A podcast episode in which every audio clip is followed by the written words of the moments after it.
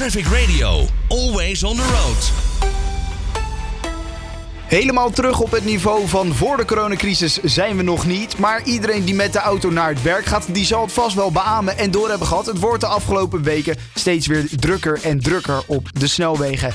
Is dat nou zo erg en is daar nog iets aan te doen? Dat bespreek ik met Hans Hilbers, programmaleider verkeer en vervoer van het Planbureau voor de Leefomgeving. Hans, welkom. Allereerst, hoe dicht zitten we nou aan tegen dat oude niveau van voor corona met de drukte op de weg? Ja, uh, ik heb nou niet precies de cijfers van, maar we gaan weer een beetje die kant op. Op zich zijn er altijd wel behoorlijke fluctuaties in die drukte op de weg. Het was dus in feite voor corona, waar het als het aantal voertuigverliesuren, zeg maar de tijd dat je extra onderweg bent door de files, uh, was toen uh, eh, 70 miljoen op een jaarbasis. Ja. Dat betekent ongeveer 1 uur per 1000 kilometer. Dus als je 1000 kilometer auto rijdt dan op de snelwegen in Nederland, dan ben je 1 uur extra kwijt door de files. Ja, en we gaan weer een beetje die, een beetje die kant op.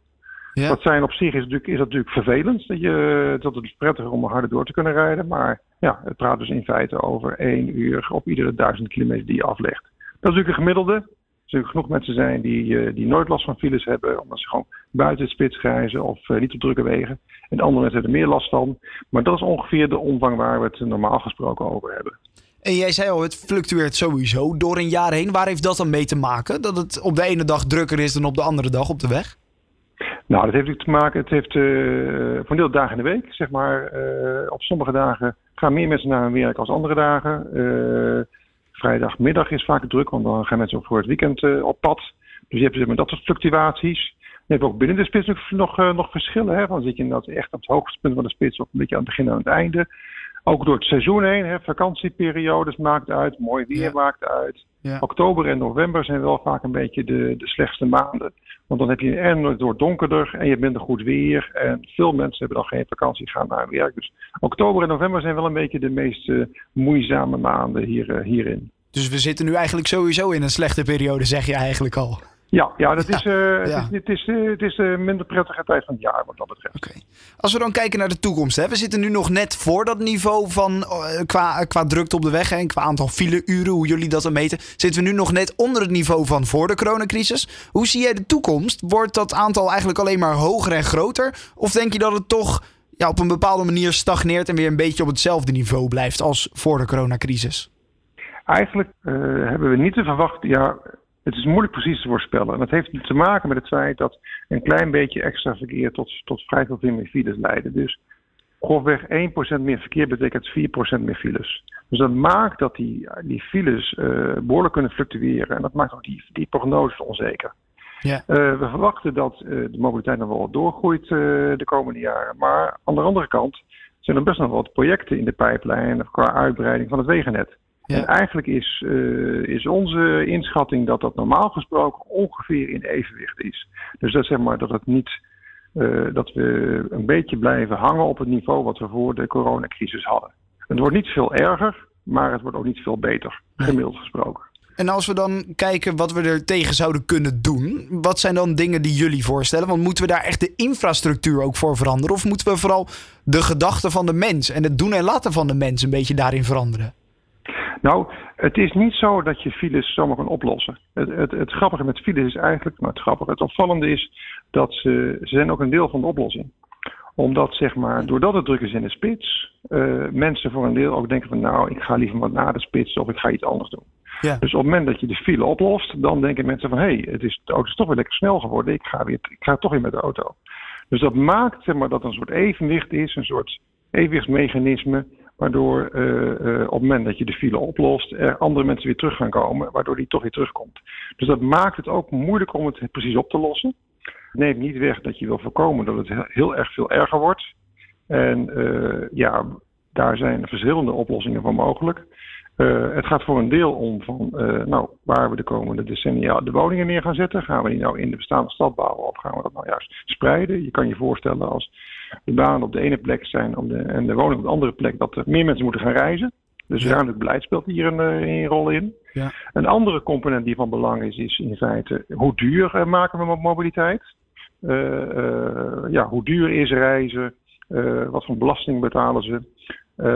en daar daar is wel iets anders interessants aan de gang. We, we moeten natuurlijk allemaal elektrisch gaan rijden vanwege het klimaat. Mhm. En, en, klima en elektrische auto's zijn goedkoper in gebruik. Dus we lopen een beetje het risico dat als we allemaal elektrisch gaan rijden, dat we ontdekken dat het goedkoper is geworden. En dat er meer auto's gaan, gaan rijden. Dus dan betekent dat die transitie naar elektrisch rijden, autorijden goedkoper maakt. En dat kan wel dus leiden tot meer files. Dus dat roept de vraag op van, goh, ja, wat vinden wij nou een eerlijke prijs voor de mobiliteit op de lange duur? Ja. Je er doorheen speelt, dat een hoop mensen die eh, in de spits reizen, die krijgen daar ook vergoedingen voor. Die krijgen van hun, van hun werk krijgen ze een leaseauto of ze krijgen een werkvergoeding. Ja. Soms ook nog eh, fiscaal vrijgesteld. Dus dat maakt het autoreizen in de spits ook relatief goedkoop. Nou, die combinatie die kan dus wel toe leiden dat we eh, op de lange duur het risico lopen dat het toch weer drukker wordt. En dan kom natuurlijk bij de, bij de bekende discussie uit of we dan misschien toch iets als prijsbeleid moeten gaan doen. Om te proberen ja, die extra mobiliteit eh, ja, toch wat te, beperken. Uiteindelijk is dat, een, is dat natuurlijk een, ja, een politiek-maatschappelijke keuze. Wat willen we? Ja, Vinden we het nou eigenlijk prima dat mobiliteit goedkoper wordt, dat het drukker wordt en gaan we dan extra wegen bouwen om te faciliteren? Of zeggen van nee, ja, eh, aan de ene kant, eh, mensen gaan meer reizen omdat het goedkoper is, maar ja, elektrische auto's die betalen ook geen benzineaccijns, dus dat gaat een beetje toch Nee. pijn doen bij het ministerie van Financiën dat ze geen accijnsinkomsten meer hebben. Ja. ja, als ze bij Financiën te horen krijgen, één, we hebben miljarden extra voor wegen nodig, want het is veel drukker geworden omdat Ja. autorijden goedkoper is. En anderzijds zeggen ze van ja, we hebben geen accijnsinkomsten voor jullie. Ja, dan wordt het bij financiën natuurlijk wel een beetje, een beetje moeizaam. Dus die vraag die je dan eh, kan stellen van of autorijden duurder moet gaan worden, of, ander, of moet voorkomen dat het goedkoper wordt, die kan op die manier wel natuurlijk op, op tafel komen. ja er zijn Dus natuurlijk dat al plannen zich- met eh, rijden op eh, rekening bijvoorbeeld. Hè? Dat, eh, dat, dat zijn natuurlijk al plannen. Maar iets anders, wat je ook zou kunnen zeggen, is we moeten het openbaar vervoer moeten we, nou ja, moeten we aantrekkelijker maken. Door dat bijvoorbeeld goedkoper te maken of sneller te maken. hè? Dat, dat die verbindingen beter zijn. Wat zeg jij dan? Moeten we dan gaan rijden op rekening? Of zeg je nou laten we dat openbaar vervoer maar wat aantrekkelijker maken? Nou, ik, eigenlijk wat je normaal gesproken zou verwachten is op het moment dat je, het open, dat je de auto met rekening rijden wat duurder maakt, een deel van de mensen dan zal uit willen wijken naar de trein. En dan moet je dus wel in staat zijn om die extra reizigers op te vangen. Ja.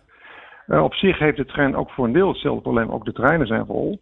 Ook Ja. daar zijn weer een hoop mensen in de trein die daar weer een, eh, eh, een, een gratis OV-kaart, ja, treinkaart van de baas heeft gekregen of een Mhm. OV-studentenkaart. Ook daar is die drukte in de spits een probleem.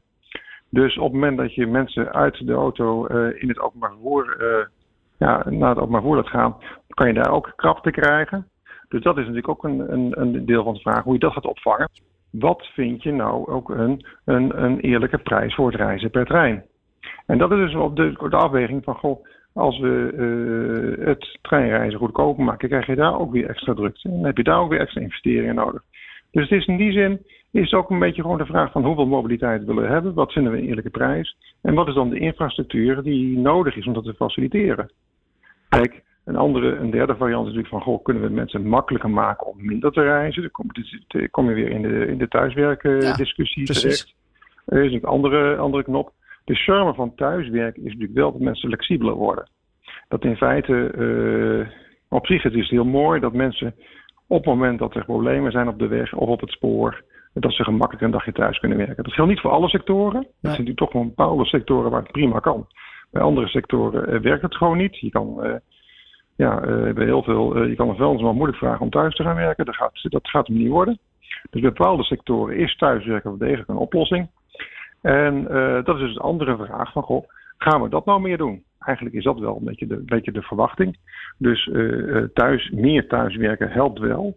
En dan is ook de vraag of je met de thuiswerkvergoedingen, reisvergoedingen, of je zeg maar, op die manier ook als werk, werkgevers dat een beetje gaat stimuleren. Heeft ook alweer nadelen natuurlijk. Van, ja, contact met je collega's is ook belangrijk, dus je moet ook niet in doorschieten. Dus, maar daar kan je op zich wel een beetje mee spelen. Van wat is nou een, ja, een manier van thuiswerken bij bedrijven die eh, enerzijds de infrastructuur wat ontlast, die mensen toch ook tijd bespaart en ook eh, de druk, eh, maar die anderzijds wel de, de voordelen van eh, elkaar af en toe zien op kantoor wel intact houdt. Ja, Maar goed, dat is een beetje dus een. eh, je zou eigenlijk moeten een slimme balans zien te vinden. Dus van goh, Wat is nou het gedrag wat we willen hebben? Wat zijn de, de, de reiskosten die we, die we moeten betalen? En wie betaalt dat dan? En wat is het, wat is het mobiliteitsgedrag dat ze daarvoor krijgen? En wat is de infrastructuur dat daarbij past? Dat is op zich een, uh, ik zou bijna zeggen, een mooie integrale opgave voor de formatie voor het nieuwe kabinet.